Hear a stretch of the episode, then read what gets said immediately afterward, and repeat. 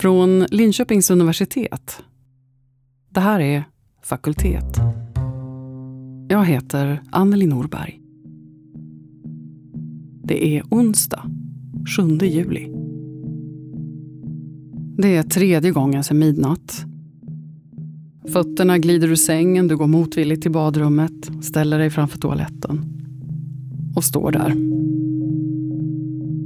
Och till slut en tunn stråle. Paus. Och några droppar. Du spolar inte. Vill inte störa din partner. Kryper tillbaka i sängen. Försöker trycka bort oron ur huvudet. Vargtims skräck om cancer. Om att kissa som en gammal man. Om att vara en gammal man.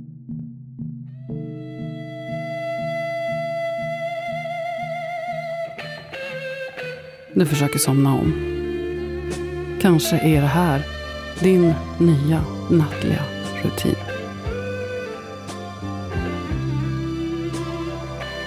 I fakultet idag om manlighet, åldrande, sex och om prostatan. Det försöker fånga upp ett oro som jag tyckte jag kände av i så många intervjuerna med äldre män som hade besvär med prostatan. Eh, inte bara cancer, utan andra besvär också. Erica Johnson, professor i genus och samhälle vid Linköpings universitet. I höst aktuell med en helt ny bok om prostatan. Men det fångade också upp eh, ett moment som många urologer jag pratade med beskrev också.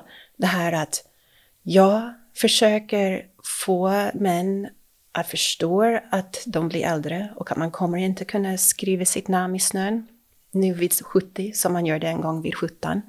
Eh, och samtidigt hitta en balans mellan att bli äldre och låta det bli en normal sak att hända till alla vi, alla oss om vi har tur. Eh, och att ändå inte bli sjuk eller patologiserad. Eller om man är nu sjuk och måste behandlas, hur drar man den, det, det beslutet? Hur vet man att ja, den här prostatan är för krånglig, för besvärligt. De här toalettbesökarna är för besvärligt och nu måste vi kunna behandla det på ett bra sätt som sjukvården. En jättesvår balansgång. Och det är inte bara äldre herrar som är ju rädda och oroliga för sina prostater. Jag träffade på många andra som också var rädda. Partner, folk som var rädda för sin pappas prostata eller sin, sin Eh, sin sons prostata också i vissa fall. Eh, det här är ett, ett orosmoment för många. När prostatan krånglar så förändras också vardagen. Kanske börjar du låta bli saker som du tidigare gillat att göra. Golfrundan blir jobbig. Köra MC i läderställ, ja det kan bli lite too much. Och en bio känns nästan otänkbar för risken att inte hinna till toaletten. Flygresan till sonen på andra sidan Atlanten ja, kanske inte blir av om du inte vet att du kan sitta nära en toalett. Kanske inte den där bussresan heller. Det finns en tendens i vissa fall för män att isolera sig eh, socialt nu pratar vi ju i en pandemitid, det har vi ju alla gjort under det här året, men innan så, så är det en ganska vanligt svar på ett förändrade kropp. Att man känner, nej men nu vågar inte jag vara ute i det offentliga rummet. Eller om jag gör det så behöver jag tänka om på hur jag gör det. Och många som jag pratade med var plötsligt väldigt medvetna om var vartenda toalett fanns, Fick enda café som hade en toalett man kunde smyga in i. Om man behövde ha kort eller kontant, alltså mynt med sig. Um, vilka bussresor var för långa? Vilka man kunde troligtvis sitta kvar på. Och då visste man väldigt, väldigt väl hur den offentliga toalettinfrastrukturen plötsligt såg ut. Och det som var så intressant med den, den aspekt av min forskning var att under början av det här projektet så hade jag, så var jag först gravid, sen nyförlost och sen hade jag ett barn som behövde kissa under flera år där. Och jag själv var väldigt medveten över hur det offentliga eh, rummets toalettinfrastruktur såg ut. Och när det inte passade min kropp eller mitt barns kropp så kunde jag ibland höra mig själv svära lite så här, oh, ja, det här, ja, vem har byggt de här toaletterna? Det är inte för vi kvinnor i alla fall. Eh, men det jag såg i mitt intervjumaterial var, det, var att det inte var heller för de här äldre män som hade haft prostatabesvär. Um, och det tycker jag var väldigt talande i intervjuerna, att dess, dessa män, många av dem, hade under hela sitt livs tid haft en kropp som den offentliga miljön var byggd för. Vi tänker ibland kring att vi designar våra städer och eh, uteplatser för alla. Men många gånger så kanske vi designar dem för um, det som anses vara det normala. Och det normala är en ganska små grupp av alla vi som vistas i de här miljöerna. Och dessa män som jag pratade med hade varit den normala gruppen länge. Och plötsligt när prostatan började krångla så var de inte det längre. Och då blir den miljön extremt synlig för dem, för att den inte längre är osynlig och transparent. De kan inte bara glida igenom det utan att bli fångade av det. Utan nu måste de tänka kring hur deras kropp och den miljön kan bli anpassad. Och det är lite det jag skulle gärna prata om med den här forskningen, är att eh, vi, kan ju, vi kan ju behandla individerna. Vi ska ju behandla individerna. Jag, jag säger inte det. Eh, det är klart att om det är ett medicinskt problem så måste vi behandla det som samhället. Men vi kan också låta samhället tänka om på hur vi bygger upp vår miljö offentliga platser, offentliga toaletter och annat och ser till att vi har en miljö som funkar för dem. Till exempel, många toaletter, eh, här toaletter, inte har eh, små eh, i de enskilda båsar små platser för att lägga in en inkontinens eh, binda skydd. Det har vi i kvinnotoaletterna. Eh, men nu har vi en grupp män som kanske går med inkontinensskydd och behöver bli av med det någonstans vid shoppingcentret. Var ska man lämna det? Kan inte vi tänka till lite och eh, se till att miljön är anpassad för dem med?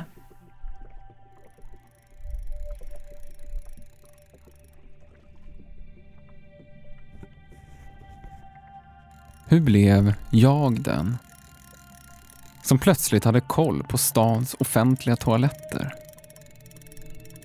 Hur blev jag den som alltid har mynt i fickan? Och hur blev jag den som tackar nej till fiske med grabbarna?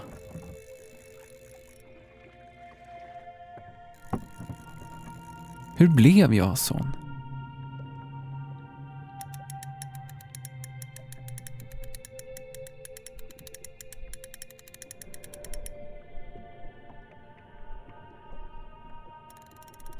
Och det blev väldigt aktuellt när jag pratade med yngre killar, yngre män som hade diagnostiserats med olika prostatabesvär, oftast eh, prostatit. Och eh, prostatit är ett litet krångligt eh, definition. Det, det, det är en kollektion av symptomer som vi vet kanske inte jättemycket om. Ibland kan det vara bakteriellt, en inflammation. Ibland är det kanske inte alls det. Det kanske är något kroniskt med smärta. Men det som man får ofta höra som patient är att man kan tänka över hur man är med sin kropp. Och då kopplas in ganska mycket maskulina eller maskulinitetsbeteende i de diskussioner. Så till exempel har jag eh, haft en informant som nämnde att han fick höra att det kanske var ett resultat av, av att man eh, åkte för mycket motorcykel utan långkalsonger. Att man då hade blivit för nedkyld. Och det är ju kopplat ibland till värmen. Så en annan informant pratade om hur hans läkare tyckte att man kunde låta bli att eh, fiska i kallt vatten uppe i Norrland med sin familj då. Och då tänker jag direkt i båda de här två sammanhang så påverkar prostatan och prostatadiagnosen en socialt sammanhang. Man är inte ensam i sin prostatabesvär, för det påverkar sina relationer. Det, kan ju, det må vara den där kroppen i sängen bredvid som man inte vill störa när man vaknar fyra gånger om natten. Eller om man eh, kanske inte känner för sex eller har haft prostatabehandlingar som gör att man inte kan ha den sexen som man har haft förut, sexet som man har haft förut, då påverkar det inte bara den enskilda individen vars kropp har haft en prostata, utan även andra runt omkring en. Men det kan också vara ens familj som man har fiskat med, eller ens kompisar som man åker motorcykel med, eller andra sports utomhus i kallt.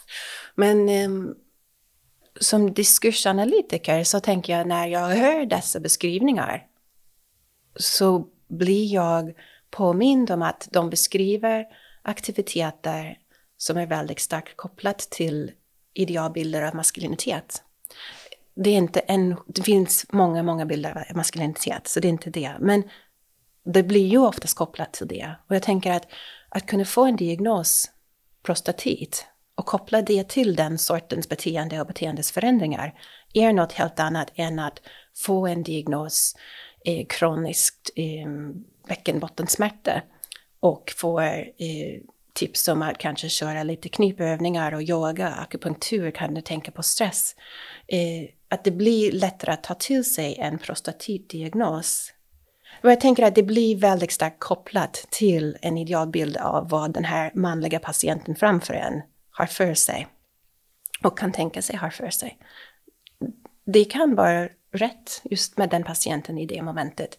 Men eh, återigen, som vi kanske kommer att prata om senare, så, så har vi en tendens när vi pratar om prostatan att ha en bild av vad en man är och hur den beter sig när vi föreställer oss vem en man med prostatabesvär är. Det kunde vara bra att öppna upp den lite. Handlar det här bara om äldre män? Alltså det trodde jag det skulle. Så när jag eh, sökte pengar för forskningsprojektet så var titeln lite eh, att eh, undersöka de diskursiva konturer eller nyanser av den åldrande prostatan. Så det trodde jag att det skulle göra. Och så snart jag fick pengarna och började prata om det så blev jag kontaktad av väldigt många unga herrar, unga män också, som var oroliga eller hade fått diagnos prostatit eller undrade om inte de skulle också ta ett PSA-prov folk som var oroliga fast de var kanske i 20-30-årsåldern.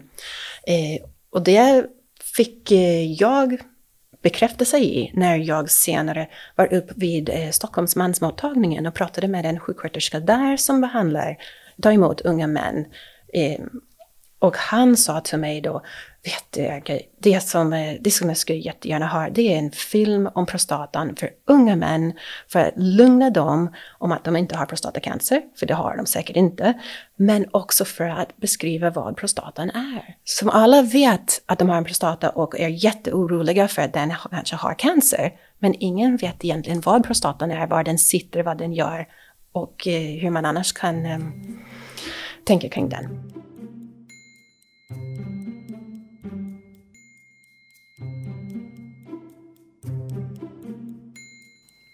Det är säkert något man borde prata om. Men jag har aldrig pratat med det om någon. Det här är Edvin Olsson. Ja, jag har aldrig haft någon relaterad som har, som har haft det. James Bull. Så jag, jag, jag kan inte liksom relatera till det heller. Så jag, alltså jag, har väl, inte. Alltså jag har väl haft en... Min pappa, han, är liksom, han trodde han hade den en gång. Och det här är Sebastian Karlsson. Och då var det liksom så här, han ringde mig, det kan vara prostatacancer. Och då var det så här, det, det sög.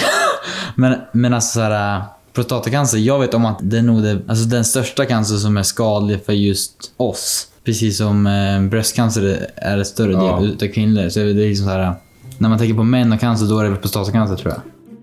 Det här är tre killar från Katrineholm. De är lite över 20 och har känt varandra sedan barnsben. Eller i alla fall sedan högstadiet. De gymmar ihop, jobbar ihop och ja, gör det mesta ihop. Alltså anledningen till att vi inte är så vana att prata om det tror jag. Alltså det kan ju vara att det är typ ett känsligt område. Ja, men, Fast man, man, man pratar gärna inte om... Nej, man pratar inte om cancer. Man pratar gärna inte om cancer och speciellt inte där nere kanske. Alltså, det, är, det känns som ett väldigt känsligt ämne typ. Och jag, mm. jag känner säkert folk som har haft det. Bara som inte har gått ut med det. Det är för övrigt för jävligt ja, cancer ja, oavsett men liksom... Det är sug. Det är sug. Nej men jag, jag vet inte, när, när någon säger prostatacancer så tänker jag på den här lilla mustaschen man köper. Det är typ det. Ja, ja. men det... Ja. Det är det mest Ja, uppmärksammade inom den alltså manliga cancern. exakt, Liksom. exakt. Jag tror inte vi har snackat cancer någon gång. Jag tror att alltså, det är väl inget som man vill prata om egentligen. Nej.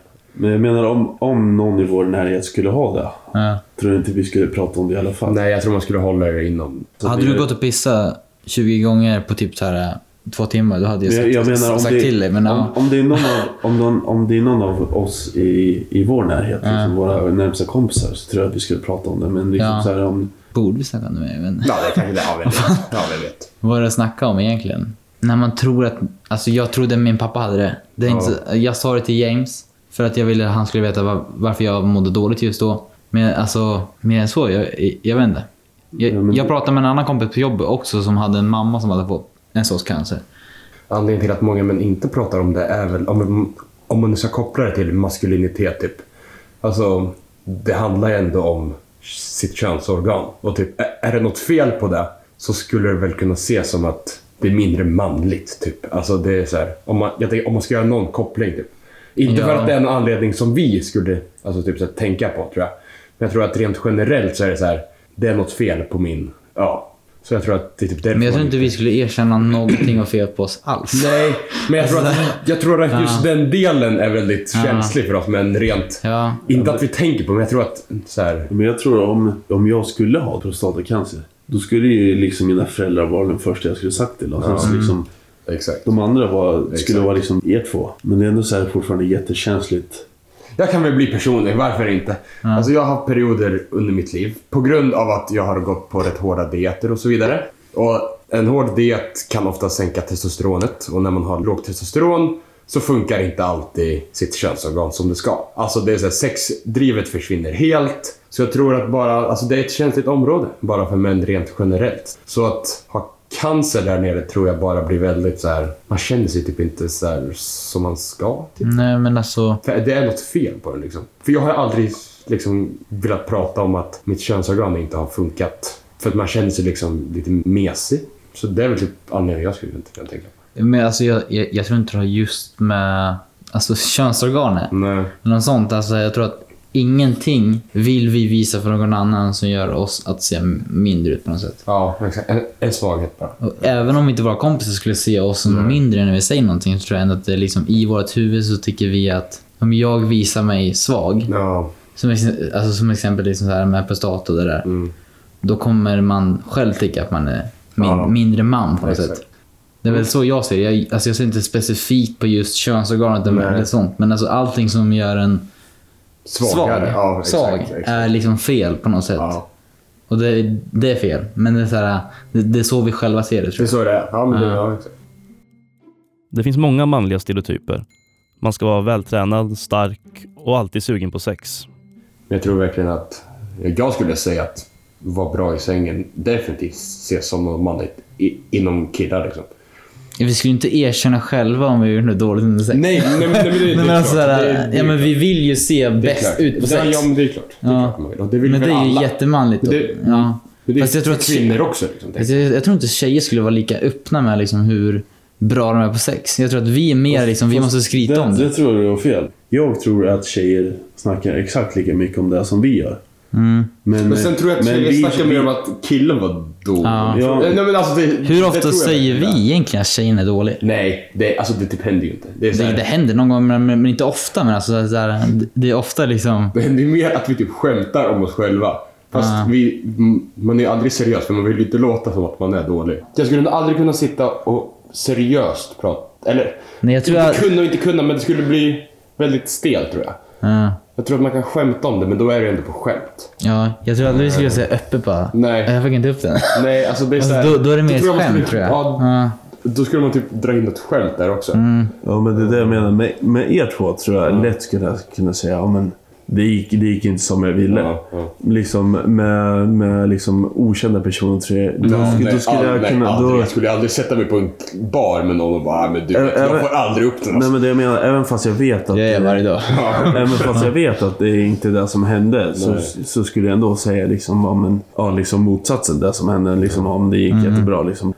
Vi är öppna med varandra, men jag tror att vi... bo- Alltså, så här, jag tror ändå det är lite saker som vi inte säger till varandra, tror jag. Som till exempel den frågan. Så här, alltså, jag tror inte helt vi erkänner allting.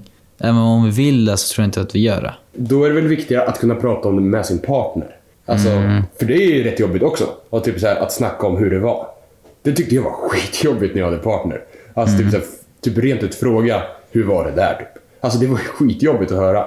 Och sen det är klart, ofta så fick man ju ett bra svar tillbaka. Men det behövde inte vara ärligt. Nej, det är, så här, det är det ett känsligt menar. ämne. Det handlar ju helt om liksom ärlighet. De här killarna är rätt öppna. Och det är framför allt när de är med varann som den här jargongen lyser igenom. Och med andra killar. Det är då det är viktigt. Definitivt. Ehm, Det är då vi, vi slår igång våran manlighet, våran testo. Ja men exakt. Det, Men alltså man blir ju mycket mer när man hänger med andra. För då blir det liksom så här. Det blir lite tävling på något sätt. ja, det blir grupphets skulle Ja. jag säga, mer än någonting annat. Liksom. Det är så här. Ja. Och sen tror jag att desto bättre man känner killarna man är med också. Ja. Så kan det verkligen gå nästan typ överstyr. Typ, Ja. det är så här, man kan säga saker man inte menar som är så, här, men- så grovt maskulint. Så det, det, är en bra sak du säger. Liksom, om, om man liksom, liksom som er två, liksom, jag känner det så jävla Ja. bra. Och liksom, om jag skulle träffa killar som jag inte känner, Nej, exakt. då skulle exakt. inte jag uppföra mig Nej. Som jag har gjort med er. Nej. Men jag tror att så, så, så folk ser mina kompisar, så, alltså, så ser inte vi dem. Alltså, så här, vi vet om vad de egentligen säger, så här, Ja. när, när det är bara vi. Men utåt så ser man väldigt mycket macho ut för att man, det är väl så man vill se, bli sedd. Jag har ett jättebra exempel. Kommer ni ihåg när, på en fest när jag blev kallad hybris? Det var en tjej som kom fram till er och frågade om jag hade världens hybris för jag hade en tajt tröja på mig. Och, alltså, och, och det är ju så, liksom så här, känner man inte mig Nej. och, och det här är Ja. väldigt vanligt. Alltså jag har ju fått typ så här, det kommer ju fram folk på gymmet och så hela tiden som frågar om jag har ett stort ego, om jag tar Mm. steroider och så vidare. För att jag ser ut som jag gör. Ja, men alltså, Känner man mig dock så vet man att jag har nog sämst självförtroende här inne. Alltså rent Ja, men det, generellt. det är exakt som mig. Jag har jobbat i Rhodos. Ja. Och det är liksom så här, Mm. Alltså jag, jag är inte en helt annan person, men jag är, jag är ändå mig själv. Men liksom när folk kommer för mig och säger så "Ja, du är hybris. Liksom så här, du, du är inte den du är. men jag tror inte att... Jag har aldrig någonsin tränat för att jag ska kunna prestera bättre, tror jag inte. Jag tror att trä, typ, tränar man mycket så tror man, så typ tror andra att man är... Men det jag menar, jag tror, Ja. jag, jag tror inte att det har någonting att göra med liksom Nej. hur, Nej, det tror inte jag heller. hur, man, hur man är som liksom i... Nej, det tror inte jag heller. Jag tror träning är en helt avskild sak. Sebastian Karlsson, Edvin Olsson och James Bull. Och det var Gustav Calderon, Daniela Sume Vilborg och Vendela Falk som hade träffat och gymmat med dem. Sen är det ju relativt, det här med ålder. Det kan ju bara vara en siffra i passet, men också en känsla. Mats Ekberg till exempel, han ser inte sig själv som en äldre man. Han är lite mer än 60 år, jobbar som ambulansförare, älskar att gymma. Han är veteran från fem missioner på Balkan och Afghanistan. Han är ordningsvakt, kompanibefäl i hemvärnet och han älskar att köra motorcykel. I höstas körde han ett stenhårt träningsupplägg. 16 weeks of hell och gick ner 13 kilo på tre veckor. Han var helnöjd, stolt. Han mådde som en prins och han var i bättre form än på länge. Jag kände mig helt frisk och det var precis så här jag hade tänkt mig. Jag hade följt, följde allting på datorn, jag hade vet, mina appar, jag tittade vad jag åt och jag hade dragit ner på kalorier. Så att det var ju precis enligt min plan det här. Jag hade ju 10, 16 veckors program där jag skulle gå ner ett antal kilo varje vecka. Va? Och jag vägde väl eh, 105 och skulle gå ner till 87 kilo. Så det var precis så, så som jag tänkt mig. Och jag tränade ganska hårt. Jag var, uppe och gick en timme varje morgon. Eh, på eftermiddagen så åkte jag ner och gymmade en timme och sen så cyklade jag eh, 30 minuter för att öka förbränning. Och så hade jag in, in, någonting som kallas för intermittent fasta. Jag åt klockan 10, klockan 12, klockan 14, klockan 16 och klockan 18. Därefter så fastade jag 16 timmar. Så att det var precis enligt plan. Men det tyckte inte läkaren då, eller vårdcentralen. Så att jag var kallad på en hälsoundersökning där man gick igenom hela min kropp, lyssnade på hjärta, pratade med mig, tog massa blodprover eh, och allting var bra. Sen när jag skulle gå hem, och jag står med handen på dörrhandtaget, Så säger läkaren så här, men hur är det med din prostata? Kan, hur är det när du kissar? Ja, det är lite dåligt tryck i systemet. Jaha, sa han. Ska vi ta ett PSA-prov? Vi kan skita i det, eller vi kan strunta i det, eller vi kan göra det. Du får bestämma själv. Ah. Eh, Jag stod och funderade några sekunder, så säger jag, ja, men när jag ändå är här så kan vi lika gärna göra det. Det är också så det är gjort. Ja, men då gör vi så. Gå och ta prov nu och så ska jag känna sen på din prostata. Och då, gjorde, då gick jag och tog blodprovet och så heter det känna på prostatan och sa ja men den är för lite förstorad. Ja men det tänkte jag, men så är det ju. Jag är ju lite trögt att kissa va, så jag förstår att den var lite förstorad. Sen åkte jag hem. Sen dagen därpå så ringer han till mig, läkaren, och säger att eh, provsvaret har kommit eh, och du har e-, ett stort, eh, ett högt PSA-värde, det ligger på 8. Du ska ha 3 för din ålder, så att jag misstänker att det är någonting det här. Och jag förstod ju direkt vad det var frågan om. Så jag sa, ja men säg vad det är. Ja, jag misstänker att du har fått, att du har eh, cancer. Att det, att det är hög risk för det i prostatan. Så pratade vi en stund och så frågade han så här, vill du, vill du komma hit så ska vi snacka? Vill du prata med en kurator? Nej, det behövs inte, så jag. Och sen innan vi la på telefon så, så frågade jag så här, har jag förstått det här rätt nu? Misstänker du att jag har prostatacancer? Ja, jag misstänker att du har prostatacancer. Så jag kommer att skicka en remiss till urologen nu direkt. Och så gjorde han det där då. Och jag la på telefon. Jag satt en stund och samlade ihop mig i mina tankar. Eh, och funderade. Okej, okay, då får vi se vad, vad som händer nu. Samtidigt så hade jag en massa byggjobbare här, eller kompisar som byggde om mitt hus. Vi låg om taket på huset. Så jag gick ut till dem och sa så att jag måste ta ett jag tar det lugnt en stund för jag måste fundera på vad som har hänt här. För jag har fått besked om att jag eventuellt har cancer i prostatan. Och det förstod ju de också. Då. Eh, och så gick jag och funderade på det och så började jag googla, vilket man inte ska göra egentligen. Eller det är på gott och ont kan jag säga. Eh, man, ser, man hittar bara det tråkiga när man googlar. Man ser bara att alla dör till höger och vänster. Okej, okay, tänkte jag. Okej, okay, jag har en cancer i prostatan eh, och den bedöms som elakartad. Skit. Eh, okej, okay, och så att Ja, men det är ju kört för mig här. Jag undrar om jag har fem år kvar att leva. Det, jag vet inte hur det ser ut. Det blev magnetröntgen och provtagning. Och under tiden höll Mats järnkoll. Han googlade sig nästan tokig. Kollade sina provresultat på 1177. Och så blev det dags för biopsi. Det är en undersökning med ultraljud som tar exakta prov precis där prostatan indikerar cancer. Man graderar den från 3 till, till 5 och jag hade och så eh, lägger man ihop det där så man ska få, få en summa då. Och jag hade en summa eh, 4 av 5 eh, plus 3 då. Så att jag hade mer elakartade cancerceller än, än snälla cancerceller. Så jag fick eh, siffran nummer 7. Eh, så att, ja, det var... Och då hörde, man ju, då hörde jag också bara det här att men det fanns ju även goda cancerceller då, så att det kanske inte är så spritt ändå då. Och så började vi prata om det och jag sa att jag vill opereras, jag vill opereras direkt, jag vill helst igår och ska jag kontakta Fonus, vad ska jag göra? Och doktorn tittar på mig och, och förmodligen så undrar jag väl, är du dum i huvudet ungefär? Ja men lite grann så. Eh, man var ju orolig, man har ju lite ångest eller ganska mycket. Eh, cancer, det är ju, bara det är ju laddat. Vem klarar sig från cancer idag? All, det är många som överlever där men man vet ju inte. Va? Och så hade jag ju googlat då ännu mer va? och visat att det här var dålig prognos. Eh, och någon sa, någon sa tidigare att, att, att jag var en drama queen för att jag, jag är helt hysterisk. För att jag snöade in på det här eh, med, med, med, vad som stod i journalen och vad, vad jag såg när jag googlade. Eh, Hur kunde det låta? Nej, men jag kunde nog tjata om att det är kört. Det, det, har gått för långt. Det har spridit sig och, och den biten, va? det är väl det eh, som jag... Jag såg bara det tråkiga. Jag såg bara det. det. Jag såg bara det. Jag såg... Alltså... Jag kan dö imorgon, bli överkörd, jag kan få en hjärtinfarkt. Men det vet jag inte om. Men med den här diagnosen så på något vis så är min väg utstakad. Det finns ett slut någonstans. Och det är påtagligt. Helt klart. Och det vill illa. Mm. Man, vet inte, man vet att det slutar. Man vet att man har den här tiden på sig. Det vet man inte annars. Nej. Det är jobbigt. Mm. Sex, manlighet, liv och död. Det är de allra innersta rädslorna och tankarna det handlar om.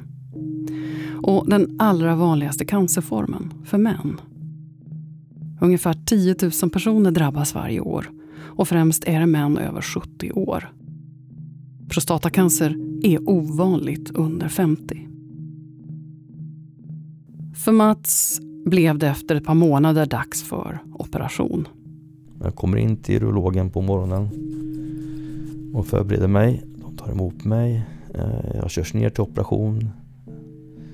Eh, de pratar med mig lite snabbt att vi ska, det är tre saker som gäller nu. I första hand är det att få bort cancern. I andra hand är det att vi ska se till så att du kan det, inte har urinläckage. Du kan få ordning på det. I tredje hand så blir det din potens. Det är den ordning vi kommer att jobba i, sa, sa de. Så att eh, cancern i första hand, eh, läckage i andra hand och potens i tredje hand. Och jag skulle räkna med att eh, eh 20% får tillbaka sin, sin potens efter en sån här operation. Eh, men jag skulle ha, ha då eh, även fått eh, knipövningsprogram. Så det är att bygga upp styrkan i, i muskeln och uthålligheten, det är där det bygger på. Och att kunna veta, lära sig att knipa innan man ska lyfta och göra saker. Potensen har jag inte provat. Jag har inte ens tänkt tanken. I och med att jag fortfarande, det rinner lite. Så jag har inte provat, vet att, vet se om, om det funkar. Eh, eh, jag tror inte det, för jag känner, jag, jag känner ingenting. Så vi får se vad som händer i framtiden. Det får bli en senare fråga. Jag, jag är 60 år.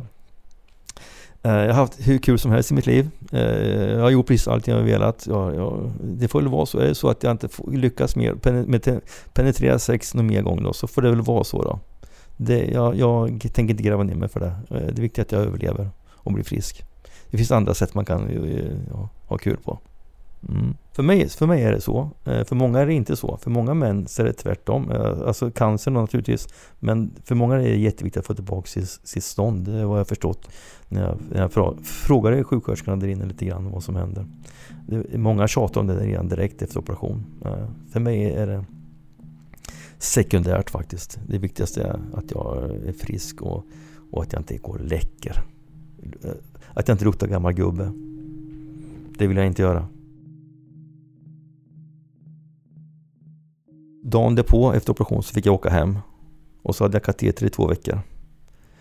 Och sen när man drog katetern eh, efter 14 dagar då. Så, eh, så skulle jag då försöka hålla urinen. Men det gick ju inte. Det, det, det, det var fritt fall. Totalt fritt fall. Så jag fick med mig eh, olika blöjor hem då för att jag skulle prova med. Och sen så skulle jag då knipa. Och då hittade jag en app på nätet. Eller jag varit, eh, som heter Tät.nu. Suverän app som fungerar både för kvinnor och för män.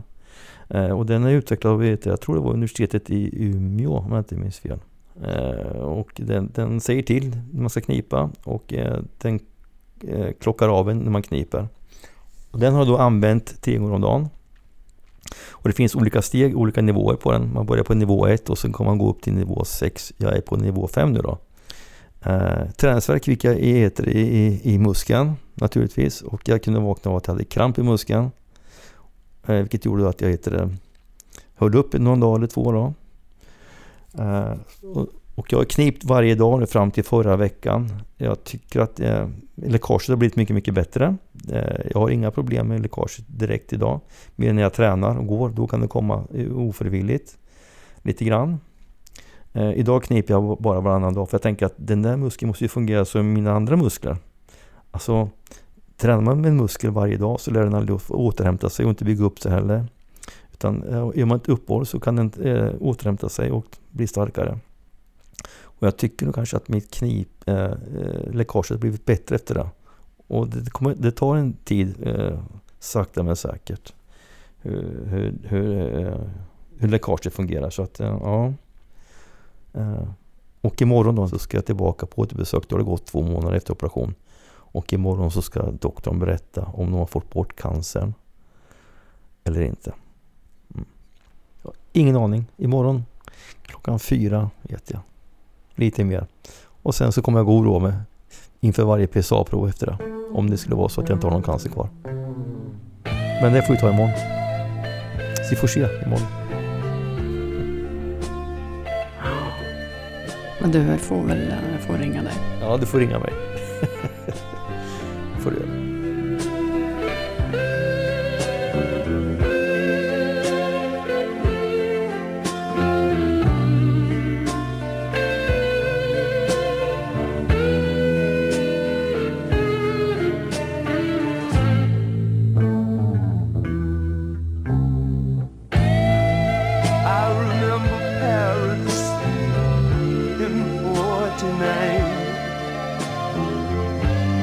The Champs-Élysées, Saint Michel and old Beaujolais wine. And I recall that you were mine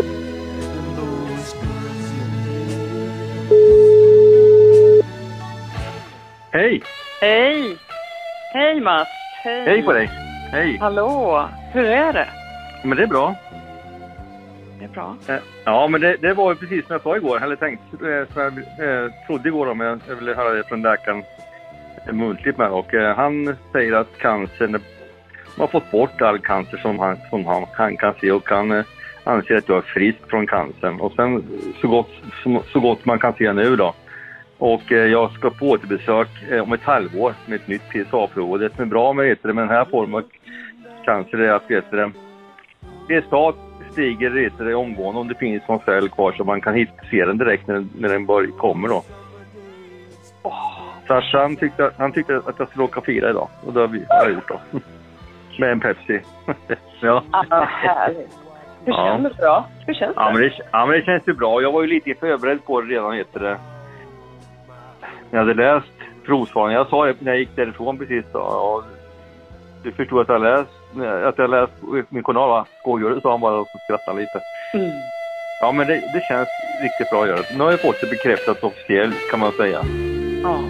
Mm. Superbra! Stort, stort grattis och Ja, då ja, hörs men vi bra. igen. Ja men det gör vi. Och du hör av dig när du, när du känner för det. Sköt om dig då. Sköt om dig. Hej då! Ja, hej.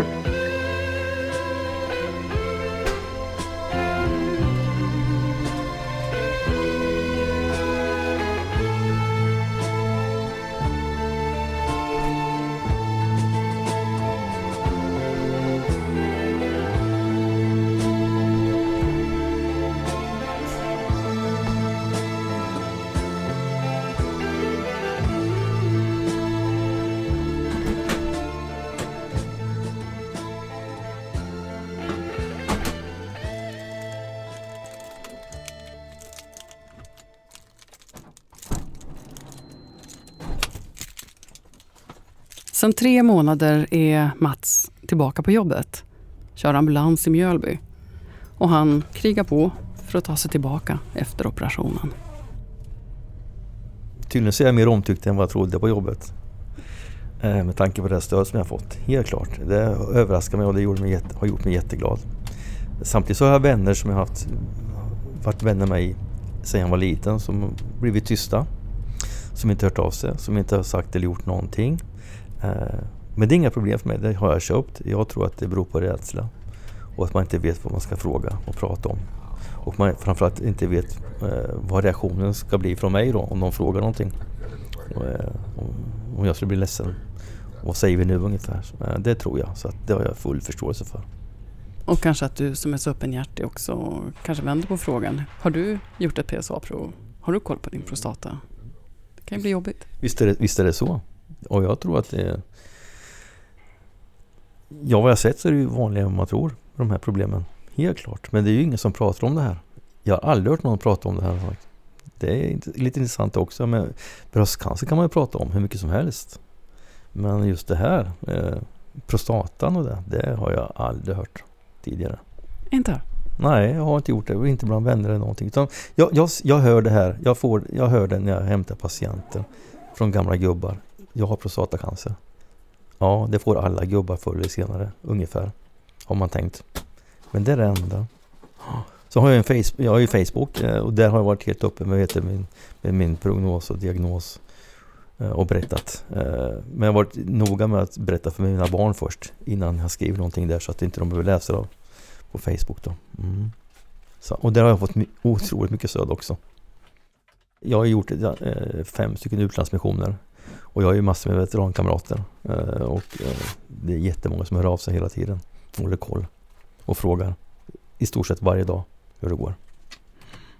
Mm. Ja, så stöd känner jag att jag har. Eh, jag, har- jag har ett, ett behov, ett missbruk och det är ju Pepsi Max. Alltså jag dricker kanske litervis, tre liter om dagen kanske. Så att det här med kisseriet va. Det har alltid varit ett problem kan jag säga. det blir ju fullt i blåsan direkt. Men man får parera va. Man kan, man, dricker man mindre så kissar man mindre. Så, så är det inte. Och när jag åker hoj då, så, ja men eh, jag har inget ställ på mig. Jag, är- jag, jag, var ju macho sa vi nyss, eller hur? Eh, så här är ju jeans då och, och en bomberjacka typ. Men, men, heter det? Nej men jag har inte ja, sett att det var några problem med kisseriet och att det behöver stanna och så. Trots att jag dricker ganska mycket Pepsi. Mm. Det som är problemet är nu, nu istället är ju att jag går och kissar jättemycket för att inte droppa i byxorna. Eh, och risken är ju att min blåsa blir hyperaktiv och vill tömma sig hela tiden. Egentligen så ska det gå ett antal timmar mellan varje gång man går och eh, kissar. Men så har det inte varit på lång tid för min del, för i och med att jag dricker så mycket, dricker så mycket Pepsi så har jag ju kissat ganska ofta ändå. Va? Men däremot så vet jag kan ju då parera det på ett annat sätt. Eh, som när jag ska, ska sova så dricker jag kanske inte Pepsi, så jättemycket Pepsi eller eh, innan jag går och lägger mig för att då får jag gå upp på natten. I början så lite eh, läckte jag, alltså jag hade ingen, jag hade ingen kontroll utan det bara rann. Idag, idag är jag Idag kan jag på mig en, en, ett urinskydd en hel dag utan att det läcker speciellt mycket. Det läcker, det läcker mer på kvällen. Och, och det beror på att man blir trött i muskulaturen om man är trött. Men i, idag droppar det bara. Det rinner inte längre. Och det kan droppa när jag lyfter. Och inte tänker mig för. Och när jag hostar och nyser så kan det komma en droppe med om jag inte kniper innan. Så knipövningarna har, har gjort nytta helt klart. Jag känner ju skillnad när jag kissar nu då. Nu är det, nu är det brandslang va. Förut så var det sugrör. Eller i alla fall trädgårdsslang va. Så att det är ju jäkla skillnad på, på vet du, när, det, när, när, när man kissar. Så det kan jag ju säga. Så uppmanar jag alla män som är, född, som är 50 år äldre att de ska ta PSA-prov. Jag tycker det. Många avråder. Jag tycker det som har, som har suttit där nu. Tycker du att du har förändrats som person efter det här? Nej, det tror jag inte. Eh, det skulle du inte fråga mig om egentligen. Det skulle du nog fråga om min omgivning om nästa gång vi träffas. Eh, nej, jag tror att jag är samma person. Man kunde uppleva att jag var lite mer tyst och tillbakadragen på jobbet under den här, den här, den här perioden. Efter att jag fått heter det, men eh, inte diagnos, för det fick man ju först när de tog biopsierna. Men fram, från det att, de, att jag hade misstänkt min cancer till, tills jag opererades så tror jag att de upplevde att jag vet det var mer tillbaka då. Men jag tror nog att de upplevde att jag vågade prata om det, det vi misstänkte att jag hade. Absolut. Och att jag har varit väldigt öppen med det. Eh, så jag tror inte att, min, att jag har förändrats som person. Alltså jag känner så här. eh, Kan, kan jag inte ha någon penetrerande sex mer? Ja men det är skitsamma känner jag. Jag, jag, jag, jag, jag gräver inte, kommer inte gräva ner mig för det. Inte som det känns just nu i alla fall. Jag har inga problem med det.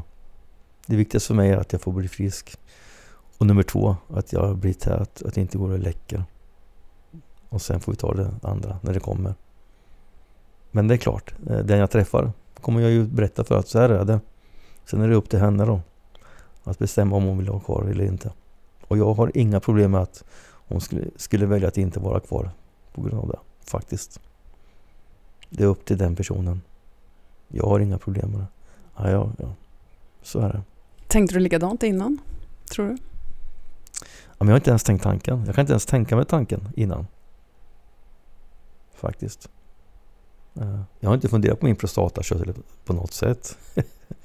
Eh, mer än att eh, det är någonting som är naturligt och som kommer att bli, eh, som kommer att förändra sig eh, med min ålder då. Eh, Att, att det kommer att bli eh, att kissa kanske, eller trögare att kissa. Eh, Att, det kan, att man kan få potensproblem. Eh, Att man kan få gå upp på nätterna och kissa och den biten. Eh, Det är ju någonting som är, som är inbyggt i systemet. Det är någonting som är, nat- som är ålderns gång så att säga. Men eh, för min del så började den eh, mycket, mycket tidigare än vad jag tänkt mig. Jag hade inte tänkt mig det här förrän förrän om 10 år kanske, 20 år kanske på sin. Mm. Så att visst, eh, jag tror att det blir som, jag tror att det är en chock för många yngre att de har prostataproblem. Absolut, för det är någonting som man ska få när man blir gammal. Och eh, gamla är jag inte än, som jag känner mig i alla fall. Kände du att det blev en chock? Ja, jag hade inte väntat mig att det, att det, skulle, vara, eh, att det skulle vara några problem när han tog provet. Jag trodde, trodde att det skulle vara en, vara en naturlig, heter det, en naturlig eh, förstoring. Absolut. Det trodde jag. Annars hade jag nog tagit... eh, Och sen samtidigt så tror jag att många män vågar inte gå och ta PSA-provet när de får problem. Eh, Jag kan nog känna igen mig där tror jag när jag tänker efter. Jag skulle ha tagit ett PSA-prov för flera år sedan när jag kände att det var problem med trycket, absolut. Men jag, jag har inte gjort det för att jag vill inte veta eller jag kanske inte eh, trodde att det skulle kunna vara något farligt. Det tror jag. Och det kan jag ångra idag att jag inte tog PSA-prov för två år sedan. Eller för ett år sedan. Absolut. Men det är ingenting som man bara ringer, och- i alla fall inte jag, man bara ringer och beställer. Jag vill ta ett PSA-prov. Det, nej. Jag tror inte det. Så var det inte för mig i alla fall. Så att, att, hade inte doktorn frågat mig, ska vi ta ett PSA-prov? Då hade jag gått hem. Och sen hade inte jag vetat om det här förrän det hade varit för sent. Så är det. det, det så är det. Så att jag hade en jäkla tur att läkaren eh, kastade ur sig frågan och jag svarade. Jag kunde lika gärna sagt nej, det är inga problem. Så hade jag kunnat gått hem. Det är nog min lyckliga skärm, tror jag. Mats Ekberg från Motala. Du hörde också Erica Johnson, forskare vid Linköpings universitet och aktuell med boken A Cultural Biography of the Prostate som kommer ut i september. Tack också till Gustav Calderon, Daniela Some Vilborg och Vendela Falk för intervjun med Sebastian Karlsson, Edvin Olsson och James Bull. Det här är Fakultet från Linköpings universitet. Och jag, jag heter Anneli Norberg. Vi hörs.